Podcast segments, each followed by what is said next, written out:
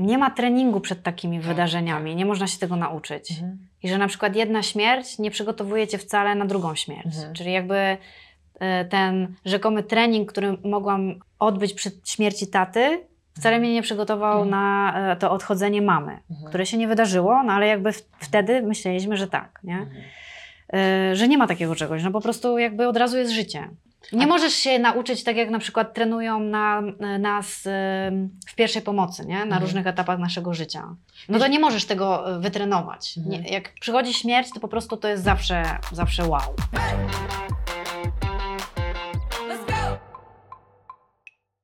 Pamiętajcie, że możecie nas słuchać na Spotify, Apple Podcast, Google Podcast, Empik Go i oglądać na YouTubie. Codziennie możecie też śledzić koleżanki Porozmawiajmy na Instagramie i Facebooku, a od niedawna możecie nas też wspierać na Patronite. Cześć, tu Martyna. Witajcie w kolejnym odcinku podcastu Koleżanki Porozmawiajmy. To jest podcast, w którym rozmawiam z kobietami, także ekspertkami w różnych dziedzinach o psychice, zdrowiu, duchu, relacjach. Dzisiaj jest ze mną poetka, pisarka Justyna Tomska, która niedawno wydała debiutancki tomik poezji List do patomorfologa. I o czym będziemy dzisiaj rozmawiać? Nie tylko o śmierci. Będziemy rozmawiać o życiu, o procesie twórczym, O literaturze, o emocjach. o doświadczeniach własnych. Tak jest. O prawdzie tekstu. I zapraszamy Was serdecznie do słuchania i oglądania tej rozmowy. Ja również zapraszam. Czy jak Ty przychodziłaś na spotkania autorskie i w ogóle opowiadałaś o swoich wierszach, to czułaś, że to jest jakiś trudny temat i że ludzie, którzy przychodzą na spotkania, to dla ludzi to też jest trudny temat? Albo temat tabu? Nie, nie. Ja myślę, że w ogóle jakby y, śmierć występuje w 99% książek, mi się wydaje. Oczywiście może nie jest tak głównym tematem jak w moim, chociaż czy też ta śmierć jest takim głównym tematem y, w mojej książce, czy też raczej tak, takim przyczynkiem do tego, żeby zacząć mówić o pewnych innych też rzeczach. Nie, nie odczuwałam czegoś takiego, że wchodzę z jakimś tematem, o którym ludzie nie chcą słuchać, y, Mhm. albo że jest to temat jakiś taki nadmiarowy, że za Mhm. dużo. Nawet jeżeli chodzi o książkę, to można sobie ją czytać przecież e, fragmentarycznie, nie, nie, nie całą naraz. Mhm. E, Więc wydaje mi się, że mm, nawet nie pomyślałam o tym. Mhm. Natomiast rozmowy y, o śmierci, która ym, jest śmiercią taką prywatną, no to zaw- zawsze są w jakiś sposób y, ciężkie, Mhm. jeżeli prowadzący zaczyna pytać o y, bardziej o życie niż o literaturę i pisanie. Mhm. Na początku zwłaszcza to było ciężkie dla mnie, no bo jestem debiutantką, więc nie mam żadnego treningu. Mhm. E, I pierwsze rozmowy rzeczywiście zostawiały mnie z taką pustką w środku. Mhm. Gdzieś nie umiałam emocjonalnie sobie y, zamknąć czegoś po takiej rozmowie Mhm. kiedy rozmawiałam o śmierci taty, czy też o chorowaniu mamy. Ale potem nabrałam jakiejś takiej ym, biegłości. Nauczyłam się ym, w jakimś stopniu chronić siebie, nie jakoś tak bardzo, Mhm. dlatego że mm, no też nie przesadzajmy, tych rozmów nie było aż tak wiele. Mhm. Natomiast e, część rozmówców e, jednak jest bardziej zainteresowana e, warsztatem literackim, powiedzmy, nie? Mhm. Tutaj. Więc no wiadomo, że prościej jest mi mówić o literaturze niż o e, własnych doświadczeniach. Chociaż to też brzmi paradoksalnie, bo napisałam o własnych doświadczeniach całą książkę. Mhm. Więc tu wszystko jest e, trochę takie, e, może nie, że wszystko jest niekonsekwentne, ale jakby pełne sprzeczności. O. Mhm. I myślę, że można to jakoś połączyć, jakoś wytłumaczyć to wszystko. Mhm. Może nawet nie trzeba, może po prostu trzeba zostawić to jako taki zlepek e, pewnych właśnie sprzeczności, absurdów. E, A o jakich sprzecznościach mówisz? No, chociażby o tym, że książka y, mówi o moich własnych doświadczeniach, Mhm. mm, a jednocześnie mówię, że jest mi ciężko o nich Mhm. mówić Mhm. poza książką. Mhm. Co też nie jest jakieś bardzo y, wyjątkowe, bo jest gro pisarzy, którzy wolą po prostu pisać niż mówić Mhm. o, o, o swoich książkach. Mm, sprzeczność taka, że mm, powiedzmy, że moja poezja uchodzi za poezję konfesyjną, ale ja ciągle powtarzam, żebyśmy nie zapominali o tym, że jednak jest tam duża doza fikcji, że korzystam tak naprawdę z różnych źródeł, jeżeli pi- piszę. Odwołuję się też do różnych e, źródeł. Kiedy używasz wyrazu sprzeczność, to nie wiem dlaczego, ale przychodzi mi do głowy e, problem, który pojawiał się często na e, wieczorach autorskich, Mhm. czy też w rozmowach na temat tej książki, czyli co to jest prawda tej książki, prawda tekstu. Część osób wymagała ode mnie, aby te teksty były całkowicie szczere i opowiadały prawdę. Moj, moją prawdę, jakby prawdę życiową, prawdę fa, f, faktograficzną. Natomiast ja uważam, że prawda tekstu leży gdzie indziej. Że prawda tekstu leży w tym takim momencie, że ja y, piszę wiersz, daję go czytelnikowi i ten czytelnik czyta i znajduje w tym tekście siebie, jakieś podobne doświadczenie i wtedy mówi, a no tak. Potem sobie możemy rozmawiać o faktach, ale to nie może być zarzut, jeżeli nie trzymam się faktów, pisząc o śmierci bliskich. Ponieważ, po pierwsze, wyobraźnia jest e, wspaniałym narzędziem, jeżeli chodzi o pracę z traumą. E, czytałam e, w takiej książce, że mm, u żołnierzy, którzy wracają na przykład z Wietnamu czy też z jakichś innych wojen, bardzo często wyłącza się wyobraźnia. Żyją tylko e, przeszłością. E, Wyobraźnia jest trochę związana z przyszłością, powiedzmy, e, i też jakby no, z teraźniejszością, e, ale też z jakimś takim abs- abstrakcyjnym myśleniem, z jakimś takim e, uciekaniem m, myślami, nawet do jakiejś takiej fajnej e, oazy, którą się tworzy w głowie, jeżeli człowiek przeżywa w życiu e, teraźniejszym coś ciężkiego. Natomiast podobno u tych osób to się wyłącza całkowicie, dlatego oni jakby nie potrafią wyjść z tej traumy. Jakby coś w mózgu tam jakby przestaje działać, no i ci ludzie funkcjonują w przeszłości, nie? Dlatego ta trauma jakby nie może od nich się odkleić. Przecież oni od, od traumy. Więc ja uważam, że w tej ciężkiej sytuacji dla mnie, mm, y, którą była y, śmierć y, mojego taty oraz choroba mamy, wyobraźnia zadziałała jako taki, no, jaka deska, deska ra- ratunku w pierwszym etapie pisania. Potem oczywiście przeszłam już do pracy z tekstem, nad tekstem i jakby już byłam powiedzmy trochę uwolniona od tej traumy. Jakby musiałam zyskać pewien dystans, natomiast jakby pierwsze notatki to rzeczywiście jakby, no powiedzmy, że wychodziłam z jakiejś takiej formy terapii. Więc nie uważam, że zarzut o to, że w tej książce nie trzymam się faktów, e, no nie jest do końca dobrym zarzutem. To znaczy ja roz, rozumiem rozczarowanie pewnych osób. Sama też przeżywałam e, takie, kiedy na przykład oglądałam film e, Łozińskiego e, Tak bardzo Cię kochałam. E, pamiętacie? To była taka, e, to był film z sesji terapeutycznej. De Barbaro prowadził... Słyszałam ostatnio od koleżanki, z którą tutaj też robię te psychorozmowy. no właśnie, no to e, tam jest rozmowa matki i córki. I one próbują się gdzieś tam porozumieć, no i De Barbaro jest jakby takim mediatorem, Mhm. no, psychoterapeutą. I na końcu się dowiadujemy, że ta sesja jest fikcją, że to są aktorki. Więc ja rozumiem ten rodzaj rozczarowania, ponieważ ja uwierzyłam temu filmowi, że to jest rzeczywiście matka i córka. No ale zobaczmy, co się stało. Ja uwierzyłam w prawdę tego filmu. Te emocje były prawdziwe, które tam się wydarzały pomiędzy e, matką a córką i były prawdziwe we mnie, kiedy ja oglądałam ten film. Więc to jest prawda tego dzieła. Ten moment właśnie, kiedy porozumiewamy się na poziomie jakiegoś wspólnego doświadczenia lub też wspólnych emocji, które coś w nas wywołuje. Jest tam taki e, wiersz, e, to też już nieraz mówiłam, o tym jak e, moja mama bierze mydło i wbija e, w nie paznokcie. Tak. I to jest wiersz e, pod tytułem Złości się. Nie było takiej sytuacji, ale mogłaby być. Natomiast wyjściem do tego wiersza był, było dla mnie rozprawienie się z którymś tam etapem żałoby, która przychodzi po śmierci osoby, czyli z, ze złością. I stworzyłam do tego taki obrazek. Ale moja mama jest osobą, która mogłaby tak zrobić. Mogłaby wbić te paznokcie. Bo, to, bo chyba w ogóle tak jest z pisaniem i to też y, ludzi rozczarowuje, ale ja myślę, że wielu pisarzy często bardzo o tym opowiada. E, pisanie to jest właśnie, to są zlepki wszystkich rzeczy, które dzieją się wokół. To nawet jeżeli piszesz właśnie to w pierwszej osobie, no to e, część rzeczy, które mówisz, to są rzeczy podsłyszane w sklepie, Część rzeczy to jest jakaś historia Twojej znajomej, ale one się składają, w, a część wyobrażenia w ogóle, właśnie tak jak mówisz.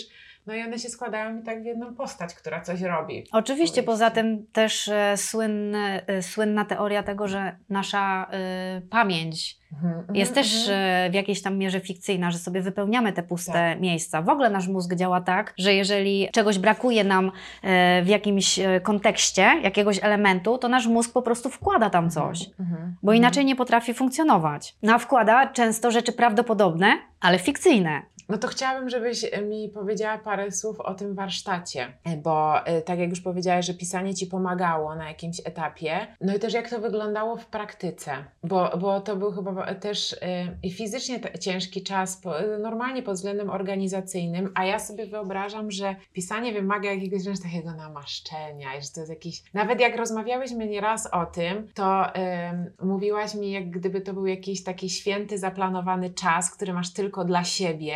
On jest bardzo regularny, no a chyba nie było w wielu sytuacjach w ogóle miejsca na tą regularność. No tak, okazuje się, że tak naprawdę y, można pisać wszędzie i na każdym nośniku, jaki tylko Ci wpadnie e, do ręki. E, ja pisałam w telefonie, mm, ponieważ rzeczywiście wtedy e, przemieszczałam się pomiędzy różnymi miejscami, szpital, dom, Kraków, moje miasto rodzinne. Miałam też psy, z którymi musiałam chodzić na spacer, to też mi zajmowało czas. Mhm. Więc po prostu miałam telefon zawsze przy sobie i bardzo często te, y, te teksty nawiedzały mnie, nawiedzały mnie na przykład y, w nocy. Nie Mhm. mogłam spać i one mi się wyświetlały w głowie i wtedy wstawałam o północy i pisałam do czwartej nad ranem. Albo w lesie na spacerze. Mhm. W ogóle chodzenie jest genialne dla pisania. Mhm. E, nie wiem, co jest w tym chodzeniu i jak w ogóle te nogi są połączone z mózgiem. Nawet sobie ściągnęłam taką książkę. książka ma tytuł Move, czyli jak, opowiada o tym, e, jak ruch jest ważny dla człowieka, Mhm. ale nie, nie chodzi t- tylko o sport, tylko w ogóle jakby e, taki e, właśnie chodzenie, nie wiem, jakieś tam bieganie i tak dalej, Mhm. ale nie pod kątem sportowym tylko, tylko jak to działa na umysł, Mhm. ale czy to było tam napisane? No nie wiem, mogło być tam. Czyli prawie może tak jak spanie, kiedy podczas snu, może, to jest jaka, jakaś, wiesz, tak sobie teraz e, Może. domniemam, e, ale tak jak w czasie snu się układają różne rzeczy w głowie Mhm. i, i to, że mówimy prześpić się z czymś, to ma naukowe uzasadnienie, tak może? Może, przejdź się z tym. Może, może tak. W każdym razie nieraz mi się zdarzało, że na przykład siedziałam nad jakimś e, e, artykułem czy jakimś tekstem, który musiałam napisać i siedzę, siedzę tydzień. Nie jestem w stanie e, wymyślić nic, zbieram oczywiście notatki i idę po tym tygodniu e, pobiegać rano o 6. Mhm, I po prostu cały tekst mi się wyświetla w czasie tego e, biegania. Nie wiem, jak to działa. mhm. I to samo się działo z tymi wierszami podczas spacerów właśnie z psami. Że ja szłam i e, potrafiłam s- e, zapisać, e, nie wiem, pięć. W tym czasie jeden pies poleciał w prawo, drugi w lewo, nie? Nie wiedziałam w ogóle, co się dzieje, ale miałam pięć wierszy w telefonie. Mhm. Oczywiście na początku to ja w ogóle nie wiedziałam, co robię.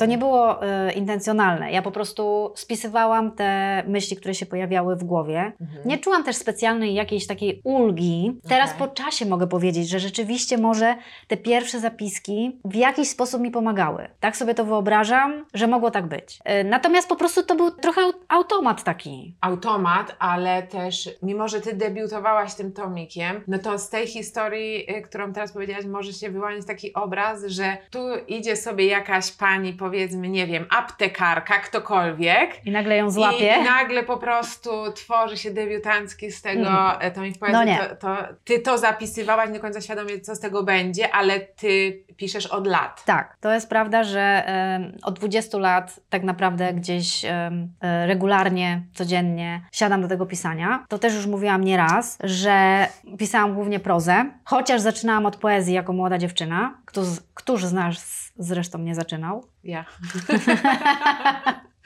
To co ty robiłaś? Liceum? Nie to, co trzeba. Oglądałam MTV. Okej. Ja też oglądałam. No w każdym razie e, siedziałam nad prozą, ale nie umiałam uzyskać tej jakości i takiego przeświadczenia, że mogę puścić to dalej. Mhm. Raz jeden udało mi się skończyć tom opowiadań, ale on jakoś tak e, nie, nie zyskał.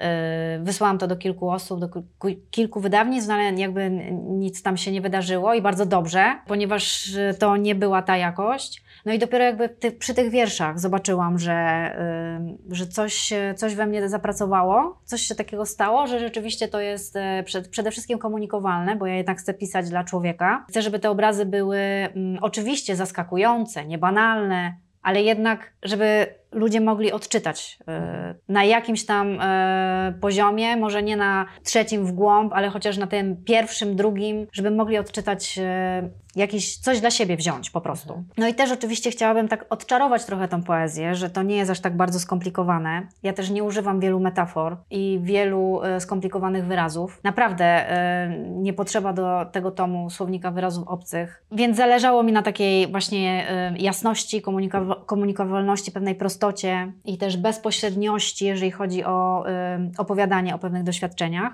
Natomiast to wszystko rzeczywiście wypływa gdzieś z prozy i to czuć w tych wierszach, że one równie dobrze inaczej zapisane mogłyby być jakimiś krótkimi fragmentami e, prozatorskimi. Mhm. Więc trening wieloletni przeszłam Mhm. przed wydaniem tego debiutu. Mhm. Oczywiście, ale wierzę też w coś takiego, że istnieją ludzie, którzy po prostu mogli sobie iść ulicą i nagle spadło na nich po prostu jakieś coś i zapisali to i to było dobre. Wyobrażam sobie, że takie coś mogłoby zaistnieć. U mnie nie zaistniało, u mnie jest to wynik. Właśnie. U mnie jest to wynik pracy, no i takiego jakby wieloletniego namysłu nad tym, w jaki sposób chcę pisać, o czym. Jakaś taka, nie chcę mm, powiedzieć determinacja, bo determinacja mi się kojarzy z jakąś zawziętością, ale y, mm, bardzo dużo pracy, wytrwało, wytrwałość, bardzo dużo wytrwałości w tobie jest. No tak, ale mi się wydaje, że w byciu e, pisarką, pisarzem element wytrwałości jest niezbędny. Mhm. Wydaje mi się, że bez tego to w ogóle no, ciężko, że jest to jakaś tam składowa, nawet bym powiedziała tutaj tak dość nonszalancko, talentu. Mhm. To znaczy umiejętności pisania. Znaczy, chodzi o to, że to jest pewna układanka. Mhm. Jeżeli już się wyda tą książkę, nie wiem, czy ja mogę tutaj mówić o jakimś sukcesie, no to jest poezja, więc jakby ona ma mało odbiorców, ale jakby te recenzje powiedzmy były dobre i feedback od ludzi też miałam dobry. Nie ustalałam też sobie jakiejś takiej poprzeczki, którą muszę y, tutaj uzyskać, y, wydając tą książkę, więc wszystko to, co się wydarzyło, bardzo y, mnie jakby ucieszyło. Natomiast jak sobie patrzę na takich pisarzy, którzy już wydali, nie wiem, tam 10 książek, i naprawdę są utytułowani, te książki są bardzo dobre, to oni też bardzo często w wywiadach mówią, że talent to jest umiejętność pisania, to jest jakby jakaś tam składowa, Mhm. że do tego trzeba dołączyć właśnie determinację, Mhm. no i determinację, ale też jakby te godziny wysiedziane przed komputerem. No, że bez tego po prostu, bez tej pracy i bez takiej umiejętności podnoszenia się z tych porażek, tu, a te porażki to jest za każdym razem tekst, który nie jest po prostu taki, jak chcemy, który Mhm. zamykamy w komputerze i nigdy pewnie tam do niego już nie wracamy. To są jakieś takie drobne porażki w tym życiu pisarskim, E, albo właśnie, że kończy się ten tom i nie ma odpowiedzi. Mhm. To też przecież jest e, porażka, no, mm, no ale co, no, po dwóch tygodniach, czy tam nawet na drugi dzień już siada się z powrotem i z powrotem się pisze. Więc bez tego, e, bez tej wytrwałości, ani ta praca, ani ten talent nic by nie dały, no bo człowiek by się załamał już wreszcie, i więcej by nie siadł do tego komputera, więc to jest bardzo ważne. I tak się zastanawiam, bo to, co mówisz, znowu jest takie z mojej perspektywy dojrzałe i mądre, i takie bardzo, kurde, to ja chciałabym tak podchodzić do wielu spraw w życiu. Ale gdzie są emocje w tym i jakie to są emocje, kiedy są te dni porażek i kiedy ciężko wytrwałość, albo czy ty sobie czasem myślisz, że ten tekst jest do dupy i czy to równa się nie idzie mi i w ogóle czy ja powinnam to wszystko rzucić w cholerę? O Jezu, oczywiście. To, możesz mi powiedzieć trochę o tym? Oczywiście. To przez wiele lat cyklicznie rzucałam pisanie i w ogóle dzwoniłam do mojego przyjaciela i mówiłam: Słuchaj, od dzisiaj już żadnego słowa nie napiszę. A on mówi: Mhm. Dobra, dobra, na razie. Ale on robi dokładnie to samo. Okej. Ale potem oczywiście e, po 15 minutach dzwoniliśmy do siebie i mówiliśmy: No nie, no jednak nie da się, nie? Nie da się inaczej. No. Szybko. No, 15 minut. no. Tak, no. ym, nie wiem, wydaje mi się, że to jest jakby też taka kwestia, część mojego charakteru, że oczywiście ja przeżywam te porażki, to nie jest tak, że nie. Jak byłam młodsza, to dużo bardziej je przeżywałam i one potrafiły mnie powalić e, naprawdę, no jakby tak podciąć skrzydła, no nie na 15 minut, nie? 15 minut to jest już jakby po tych 20 latach. Mogę sobie tak e, powiedzieć, że rzeczywiście. Natomiast wcześniej nie. Wcześniej no, byłam mm, bardzo nadwrażliwą osobą, e, która się miotała i która no, tak naprawdę mm, gdzieś też nie do końca wierzyła w swoje własne możliwości. I to jest w ogóle paradoks. Nie wierzyć we własne możliwości na jakimś tam poziomie, ale jednak robić. Mhm. Czyli gdzieś w środku była we mnie ta wiara, Tak, tak. że ja jednak potrafię to zrobić, nie? Ja bym powiedziała, Dlatego że... sprzeczności, wiesz, znowu Tak. dochodzimy do Mhm. sprzeczności, nie? Czyli jedno i drugie, nie? Mhm. Zwątpienie, ale jednocześnie, kurczę, nie, no nie. To Mhm. jest gdzieś tam we mnie i w końcu to musi gdzieś yy, wybrzmieć w którymś momencie. Ja nie wiem, czy to... y, bo ja bardzo dobrze znam to uczucie, o którym powiedziałaś. Które? To, że nie wierzysz w to, że potrafisz, ale i tak to robisz. Mhm. I ja to widzę w ten sposób, że ty w środku, ty taka prawdziwa, wiesz, że potrafisz, ale różne wątpliwości z wychowania, z domu, z otoczenia, ze świata nakładają ci, że te, te, to twoje chcenie się y, zaczynają przysłaniać i y, pojawiają się te wątpliwości, czy, da, czy dasz radę. Tak, natomiast nie użyłabym wyrazu przysłaniać, bo gdyby przysłoniły, to pewnie bym się poddała, nie? Ale przysłanianie u mnie jest takie, że ono nie zasłania, tylko Okej. przysłania.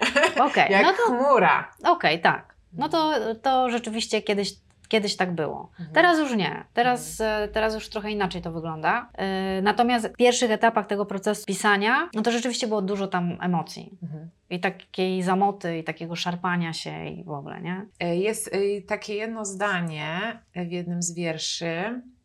W jednym z wierszy piszesz: Moja szlifowana latami odwaga do życia. Hmm, hmm, hmm. No i to jest właśnie to, co teraz mówisz, czyli te lata uczenia się tej odwagi. Do, Do do tego, żeby mówić swoim głosem. No bo wiadomo, że w tym procesie pisania było mnóstwo momentów, kiedy próbowałam udawać kogoś innego w pisaniu. Czyli jakby nie od początku yy, nie miałam tego szczęścia, że uwierzyłam we własny głos, bo ja go miałam. Tylko wydawało mi się, że on jest głupi i że nie taki, jak powinien być. I starałam się oczywiście być kimś innym w tym pisaniu. Nie wiem, jak miałam 20 lat yy, i czytałam Filipa Rota, to yy, chciałam yy, mówić jego językiem. No i myślę, że zdanie sobie sprawy i z tego, że, że mam ten swój głos, mogę z nim pracować tylko tak naprawdę, yy, było wyzwalającym doświadczeniem. I to doświadczenie przyszło yy, w czasie wpisywania tych yy, różnych rzeczy do tego tomiku, kiedy zdałam sobie sprawę, że skoro to tak wygląda i nie będzie wyglądać raczej inaczej już, bo ja nie mam siły ani czasu na to, żeby, yy, bo życie jest teraz ciężkie i muszę się zająć e, tymi wszystkimi różnymi rzeczami,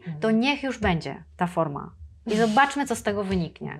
No i potem sobie uświadomiłam, że przecież yy, mając lat 12, kiedy podejmowałam decyzję o pisaniu, to ja nie chciałam być dziennikarką, nie chciałam być pisarką, prozatorką, tylko ja chciałam być poetką. I potem z jakichś właśnie takich kulturowych względów, nie wiem, wmówiłam sobie, że ta poezja w ogóle jest czymś gorszym niż yy, proza. Być Nie może, wiem, Bo jest mniej mi się wydaje, że to było w ogóle coś takiego, że pozwoliłam sobie wmówić komuś, czy też jakimś mitom takim, nie wiem, pisarskim, że pisanie to jest taka męka. Aha, I że aha. to w ogóle e, naprawdę jakby to jest taka charuwa.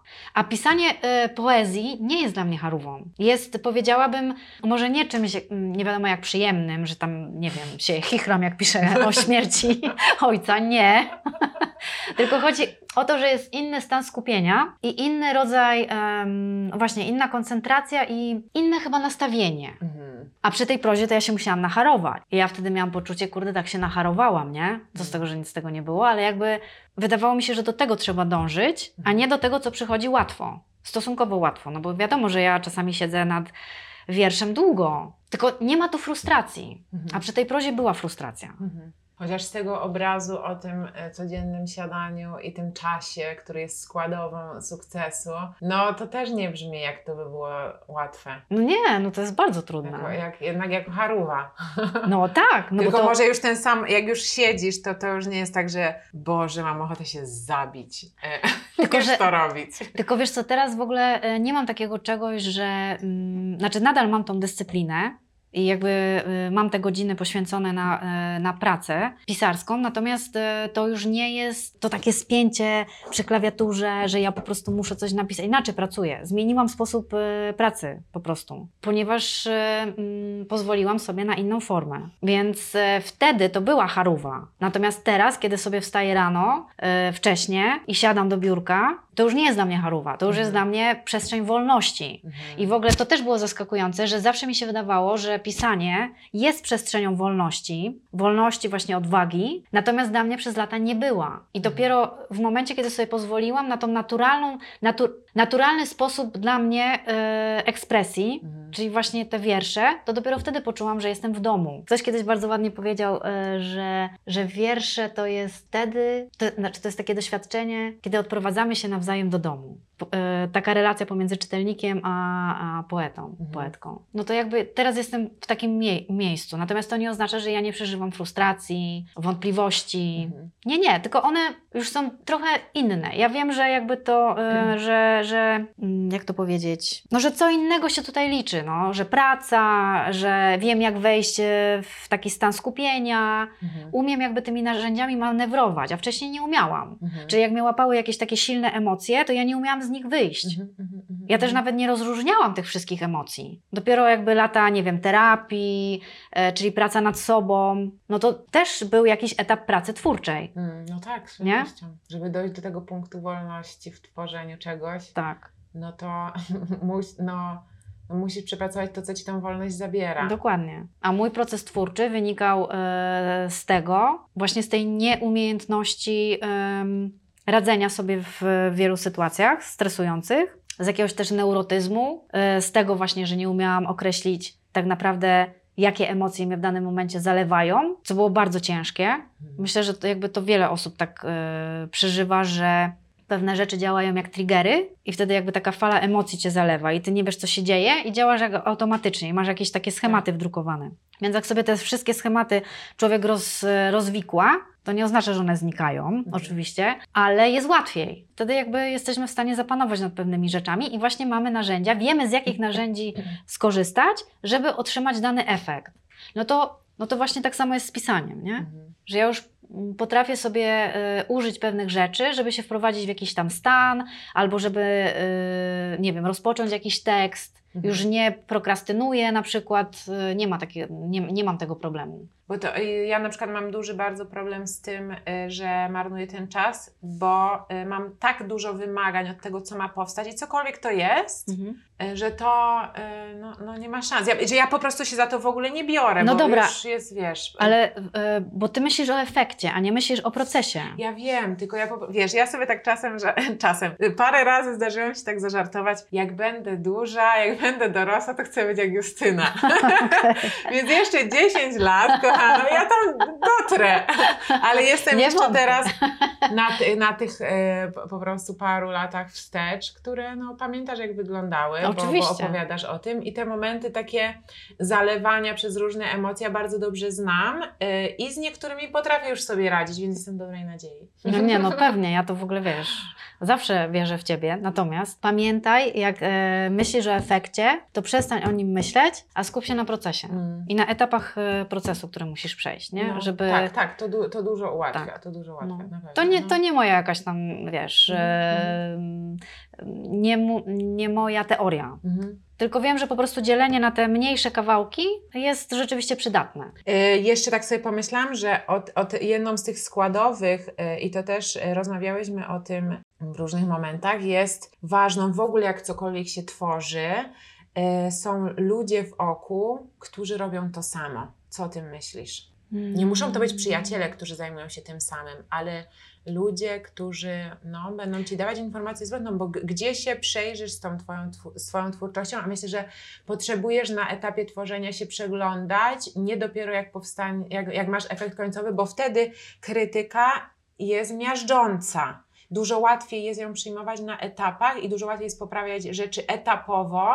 Nigdy się nad tym nie zastanawiałam. Było to dla mnie na- naturalne, że jestem w środowisku y, ludzi piszących. Jedni z nich zostali pisarzami, wydają książki, inni nie. Ale czerpiesz jakoś też z ich do, doświadczenia, tak? Do swojego pisania. W tym sensie, że e, oni czytają Twoje teksty i rozmawiasz z nimi o swoich tekstach? Czy, czy jeżeli Ty tworzysz sama, to już wiesz, że to jest dobre i Ty nie potrzebujesz nikogo, kto Ci y, Na pewno fajne jest branie udziału w różnych takich warsztatach, bo wtedy też zostają ci ludzie. Nawet jeżeli się niczego nie nauczysz, Mhm. to jakby zostają ci ludzie, którzy piszą i z którymi rzeczywiście można gadać o różnych rzeczach. Ym, I tacy ludzie są ważni. Tylko zastanawiam się, co ja z nimi przegaduję. Bo jak pisałam ten, y, ten tomik, to nie konsultowałam się z nikim. Pierwszą wersję y, pokazałam, poprosiłam y, jedną z moich przyjaciółek, żeby wysłała to jakiejś krytyczce litera- literackiej lub krytykowi literackiemu bo ona akurat siedziała w uniwersyteckim środowisku, więc jakby miała kontakty, ja nie miałam. Wtedy wiesz, mieszkałam też za granicą, więc w ogóle jakby byłam trochę tego odcięta. I ona to wysłała do swojej koleżanki e, i to była Magdalena Grot-Piotrowska, której jestem dozgonnie wdzięczna za pierwszą recenzję e, tego to, tomu, co jest w ogóle śmieszne i co też jakby pokazuje pewną sprzeczność, nie? że tutaj niby już tutaj wszystko wiem, narzędzia mam, jak to wszystko rozkminiać, ale dostaję taką właśnie e, mini recenzję od e, Magdy. Odczytuję ją jako negatywną. I się obrażam na tą recenzję, zamykam plik i przez miesiąc w ogóle nie wchodzę tam. Ani nie sięgam do tych wierszy, ani w ogóle do tej recenzji. Po czym po miesiącu ją otwieram i patrzę, ale jak? No, przecież ona jest pozytywna i w ogóle daje świetne sugestie i w ogóle wow, nie? Czyli w ogóle zmieniłaś nawet nastawienie co do treści tej recenzji. Tak, znaczy ona, nie, ja, tak, znaczy ja zmie- dźwięku. no, tak. I to wszystko zależy, no, nie? Jak, jakby Czyli emocje zalały Tak.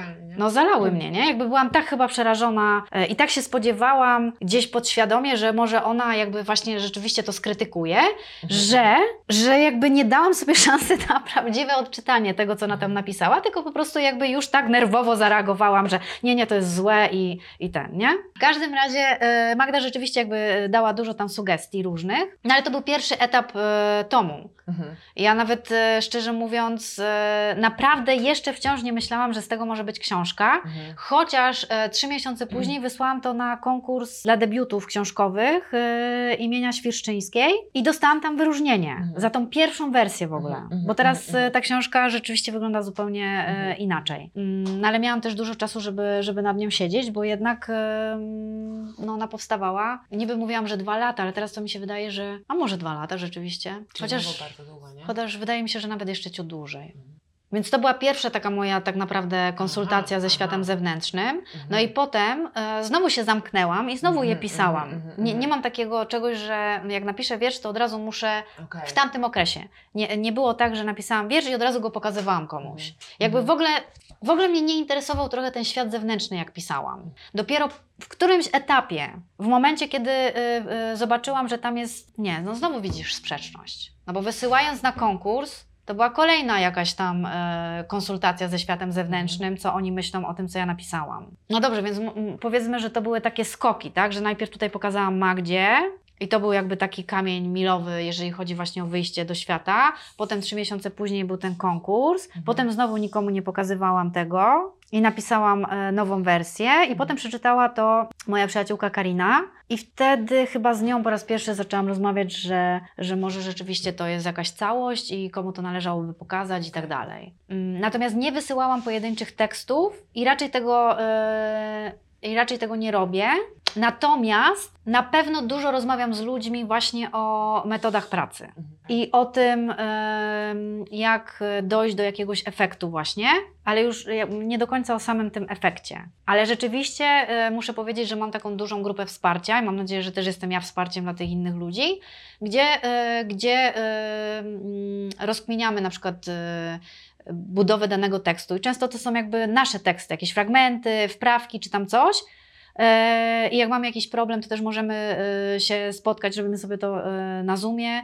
E, I na przykład jak em, chcemy nad czymś popracować, to ja wymyślam jakieś zadanie dla e, tych moich dziewczyn i wtedy wszystkie to piszemy i potem sobie gadamy o tym, nie? Ale jakby i, i dziewczyny też mogą dawać swoje zadania. Mhm. Więc jakby możemy sobie zrobić te zadania pod siebie, żeby rozpracować jakiś problem. Mhm. Więc e, zgadzam się absolutnie z tym anglosaskim podejściem e, do, e, w świecie pisarskim, że grupa wsparcia jest ważna, no bo rzeczywiście się dużo jednak uczymy w, w tych kontaktach takich bezpośrednich. Mhm. Myślę, że to też nie jest żadna nowa idea, no bo nawet Knausgard w tej swojej no, mojej walce którejś części pisał, że przegadywał każdą część ze swoim Mhm. przyjacielem przez telefon, każdą część książki. Więc rzeczywiście jakby masz rację, że jednak jest potrzebny nam ten czytelnik pierwszy, tylko on przychodzi na jakimś etapie. U jednych wcześniej, że napiszą jeden wiersz i od razu to y, muszą pokazać światu i zobaczyć reakcję świata na ten jeden wiersz, a inni na przykład tak jak ja muszą mieć jakąś całość. Zresztą ja ten teraz widzę, że u mnie od początku gdzieś ym, w głowie istniała myśl o tym, że ta książka ma być całością, że ta książka nawet ma być trochę fabularyzowana. Ale to było naprawdę na jakimś nieświadomym e, poziomie, nie? Chociaż wydaje mi się to bardzo uzasadnione, ponieważ e, ja myślę opowieściami, lubię opowieści, uważam, że wiersze też są opowieściami, a nie jakimiś hermetycznymi e, skrawkami, które wypadają z głowy poetki, poety. Tylko jakby fajnie byłoby, żeby one jednak były jakąś opowieścią dla tego czytelnika, dla tego drugiego człowieka po drugiej stronie, nie? Książki. Jakby wierzę w opowieść po prostu. A jeszcze chcecie w takim. No dobra, to teraz w takim razie chciałabym wrócić już do treści same, samego tomiku. No właśnie, no to o czym on jest? Jak ty byś miała powiedzieć? O śmierci. O śmierci. Nie, no nie jest tylko o śmierci. W ogóle to też jest dla mnie ciekawe, że cały czas zestawiasz śmierć i chorobę na równi ze sobą. Jak opowiadasz o tym, mam wrażenie. Ale to dlatego, że my wszyscy myśleliśmy, że y, moja mama umrze. Lekarze nie dawali szans na przeżycie, więc tak naprawdę tamten etap w moim życiu, chorowania mojej mamy, no to rzeczywiście mogłam zrównywać to jakby już z takim etapem em, no, umierania powiedzmy. Może Mhm. nie samej śmierci, nie zamknięcia procesu, ale a może gdzieś podświadomie to robiłam, bo gdzieś mi to może jakoś tam pomagało, nie? Tak próbuję znaleźć jakieś wytłumaczenie dla tego, dla tej tezy, którą powiedziałaś, jeżeli to rzeczywiście tam jest. Różnica pomiędzy doświadczeniem z tatą była taka, że mój tato odszedł szybko, natomiast y, dla mnie w tamtym momencie lekarze mówili, że mam się przygotować na śmierć mamy i to było rozłożone w czasie. No więc o tyle się różniło to, y, to doświadczenie śmierci, że tutaj było szybko, a tutaj miało trwać to jakiś czas. Na szczęście ta druga wersja się nie spełniła i mama żyje do dzisiaj. A o czym jest ten tomik? To wydaje mi się, że on jest o, no jest próbą poradzenia sobie y, z odchodzeniem y, rodziców, co czeka większość z nas, Ym, i próbą odnalezienia się w takiej codzienności, a właściwie nawet nie próbą odnalezienia się w codzienności, tylko mm, jakby próbowałam się złapać tej codzienności, y, żeby jakoś przetrwać te trudne chwile. I ponieważ ta codzienność była taka śmiesznie płaska i śmiesznie banalna w stosunku do tego, co działo się w tych salach szpitalnych, że zderzenie tych dwóch rze- rzeczy często prowadziło do pewnego rodzaju absurdów. I z tego mi się rodziły te obrazy. Dużo bardzo jest t- codzienności, różnych zwykłych przedmiotów, butów, Tak, mydła, tak, e, foteli, tak. e, takich różnych rzeczy właśnie w tych wierszach. Tak, no mam, mam wrażenie, że to była taka mm, no, metoda, żeby się ocalić w tym wszystkim, żeby zachować e, no, jak, jakiś taki zdrowy, nie zdrowy, m, żeby zachować, no nie no, zdrowie psychiczne, nie? Mhm. Poza tym te rzeczy, one wszystkie łączą się jakoś z tatą, z mamą, istniały gdzieś w naszym wspólnym życiu, rzeczy, które zostają po, po, po kimś, kto odszedł, rzeczy, które nabierają nowego znaczenia, właśnie jak ten fotel, w którym najpierw siedział tata, potem siedziałam ja, ciała, które się gdzieś tam miksują.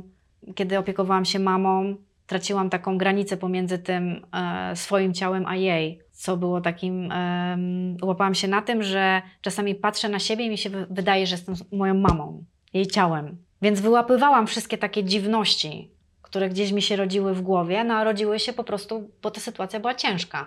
Więc mój mózg, no tak jak mówię, no właśnie on chyba po prostu wykorzystywał tą wyobraźnię do tego, żeby uratować się przed tą traumą, tego co się działo w życiu codziennym. Czy ty masz jakieś wrażenie, że to pisanie cię, dobra, to może zabrzmi bardzo patetycznie, ale w jakiś sposób ocaliło? Nie, nie, No nie bo, jak, bo jakby cały czas y, te drobne rzeczy i pisanie jest jakąś formą właśnie radzenia sobie. Ale to myślę, że gdybym tego nie miała, to robiłabym coś innego. Mhm, na przykład mhm. uprawa, uprawiałabym em, pięciogodzinny jogging, albo Okej. na przykład, nie wiem, e, malowałabym. Mhm. To, to po prostu akurat jest jakaś tam moja, jak to się ładnie mówi, i to będzie najtrudniejszy wyraz w tym odcinku oraz jakby w okolicy tego tomiku, predylekcja ku, O ja sobie nawet nie wiem, co to znaczy. jakaś skłonność, tudzież też mówią bias ku słowu pisanemu, no to jakby wykorzystałam to. Mhm. Natomiast gdybym wolała biegać, no to pewnie bym biegała, Mhm. Mhm. gdybym nie pisała, nie? A mogę Cię zapytać o to, jak czytałaś ten tomik? Czytałaś go y, od deski do deski, czy y, dozowałaś sobie? Dozowałam, ale ja akurat nie dlatego, że to był dla mnie za ciężki temat, tylko że dla, dla, dlatego, że tak bardzo mi się podobało, że nie chciałam przeczytać wszystkiego za jednym razem. Okej. I też dlatego, że lubię sobie e, tak pobyć z tekstem, a one by przeczytane wszystkie naraz e, zostałyby jakąś jedną taką całością, a tu było dużo takich fajnych obrazków, z którymi jakby fajnie było pobyć sobie osobno. Okej. Mówiłaś w jednym wywiadzie, e, że przychodzi śmierć i choroba i masz przegwizdane. Mhm. E, Na czym to polegało? E, Wiesz co, to było, też mam taki wiersz o tym, że nie ma treningu przed takimi Tak, wydarzeniami, nie można się tego nauczyć. I że na przykład jedna śmierć nie przygotowuje cię wcale na drugą śmierć. Mhm. Czyli jakby e, ten rzekomy trening, który mogłam odbyć przed śmierci taty, wcale mnie nie przygotował Mhm. na e, to odchodzenie mamy, Mhm. które się nie wydarzyło, no ale jakby wtedy myśleliśmy, że tak, nie? Mhm.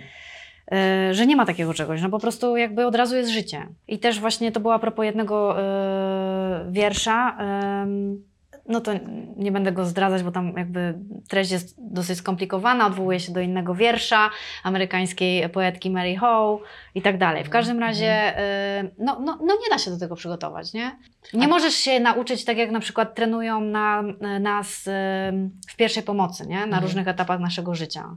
No to nie możesz tego e, wytrenować. Mhm. Nie, jak przychodzi śmierć, to po prostu to jest zawsze, zawsze wow. No właśnie to jest ciekawe, dlatego że ja mam wrażenie, że mówi się o dzisiejszych czasach, jak gdyby były jakieś takie specyficzne pod tym względem, że żyjemy tak szybko, staramy się wszystkie trudne rzeczy oddzielać w ogóle od swojego życia, nie, nie dopuszczać w ogóle ich istnienia, co kompletnie, to jakby nie pasuje do tego, co mówisz, bo w takim razie to nie jest żadna cecha dzisiejszych czasów, że do śmierci nie da się przygotować, tylko jak gdyby w ogóle zawsze tak było. Wiesz co, Mimo, jak, że, jeszcze tylko sekundka, Mhm. że mimo, że, że dawniej niby byliśmy fizycznie bliżej śmierci, bo ludzie na przykład chorowali, umierali w domach chociażby. wiesz co, powiem Ci, że ym, no właśnie ja też do końca tego nie rozumiem. Mhm. Bo ja na przykład nie wiem, czy na przykład płaczki, które wynajmowano kiedyś na pogrzeby, Mhm. one by sprawiły, że nie wiem, ten pogrzeb, pogrzeb byłby dla mnie łatwiejszy, lepszy.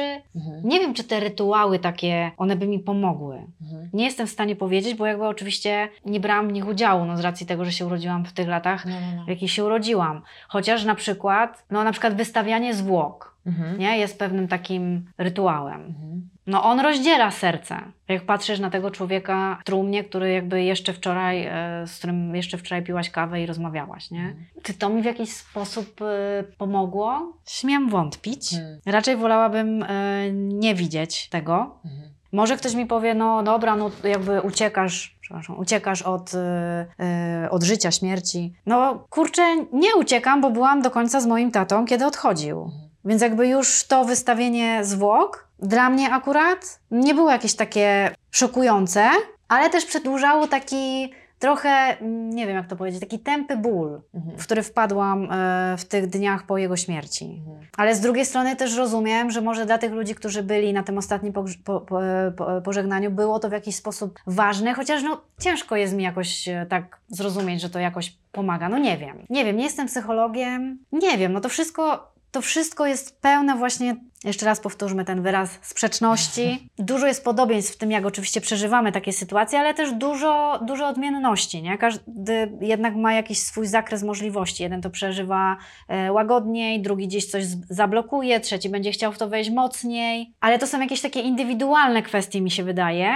Natomiast zupełnie nie wiem, co powiedzieć na ten argument, że nasze, nasze czasy odrzucają e, śmierć gdzieś na bok i wyrzucają go na margines. Myślę, że już tak będę pomału zbliżać się do końca, natomiast jeszcze ty piszesz, y, ty piszesz o takich rzeczach właśnie jak towarzyszenie i opieka rodzicem i to też są jakieś rzeczy, które dzisiaj wypieramy. No nie są sexy, nie? Ale, ale samo towarzyszenie to jest, to jest coś, co jest w towarzyszeniu. Towarzyszenie nie jest o tobie, jesteś z boku, de facto nic nie robisz, jesteś przy kimś. To w ogóle nie są Tak, to nie rzeczy, jestem ja, się y, tylko ko- ty. Tak, kojarzą Mhm. y, z tym, co dzisiaj obserwujemy wokół siebie. Tak samo jak opiekowanie się rodzicem. Mam wrażenie, że, że spychamy y, myślenie o takich rzeczach w ogóle do ostatniej chwili. No tak, no bo to rzeczywiście jakby jest e, strata tej wielopokoleniowości, którą kiedyś mieliśmy, że Mhm. żyliśmy w jednych domach albo w jednym mieście, Mhm. e, gdzieś tak bardziej na kupie. Ja myślę, że to jest jakaś strata. Jakby Mhm. brak tej e, rodziny, rodzinności. Rzeczywiście jakby on może powodować e, pewne takie lęki, mi się wydaje, nie? Ja sobie tak myślę, że e, trochę się obawiam starości, ale nie dlatego, że będę pomarszczona e, i nie wiem, będę miała mniej siły, tylko że, no właśnie, że nie będę miała tej rodziny przy sobie i automatycznie jakby wchodzi mi takie myślenie, to jak nie będę miała tej rodziny, to ja muszę mieć dobrą emeryturę, że nie będzie wsparcia tej rodziny, że zaczynam myśleć jakoś tak bardziej, jak to powiedzieć, materialnie, że sobie tak rekompensuję tą, ten brak wielopokoleniowości w jakiś sposób. O czym mówiliśmy? Mówi, mówiłyśmy o towarzyszeniu, że to jest nie o mnie, Mhm. tylko e, Mhm. o kimś innym. No tutaj akurat mogłabym powiedzieć, że rzeczywiście żałuję, że nie ma tego więcej jakoś w przestrzeni publicznej i tego, że e, są ludzie, którzy e, potrafią zrezygnować e, na jakiś czas ze swojego życia na rzecz opieki właśnie nad tymi rodzicami, Mhm. którzy przecież opiekowali się nami, kiedy byliśmy mali. Oczywiście to nie jest zasada. Czasami są rodzice, którzy zapewne nie, powiedzmy brutalnie, nie zasługują na taką opiekę. Nie wchodzę w takie szczegóły, Mhm. natomiast mówię o pewnym takim mm, stereotypie, powiedzmy, że wydaje mi się, że to powinno być bardziej doceniane. Nie mówię tutaj o, o sobie, bo mnie było jakoś łatwo y, zaopiekować się mamą, ponieważ e, nie mam dzieci i nie mam takiej pracy na etacie. Mhm. Więc dla mnie to nie było aż e, tak trudne, żeby sobie to zorganizować. Ale teraz wyobraźmy sobie kobietę, która ma dwójkę dzieci, męża, pracę i jeszcze chorą mamę. No to ja uważam, że to jest pewnego rodzaju bohaterstwo. Mhm. I to jest e, absolutnie niedoceniane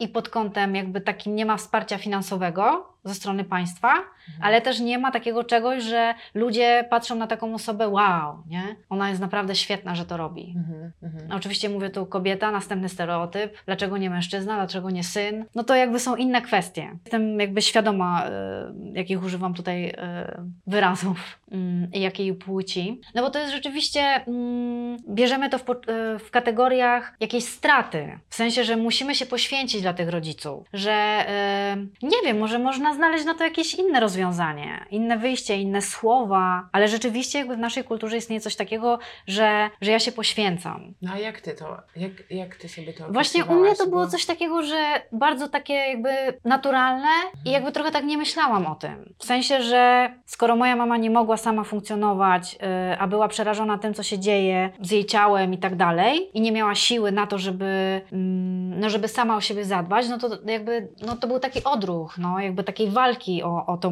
mamę. I w moim otoczeniu yy, mam kilka osób, które też stanęły do takiej walki.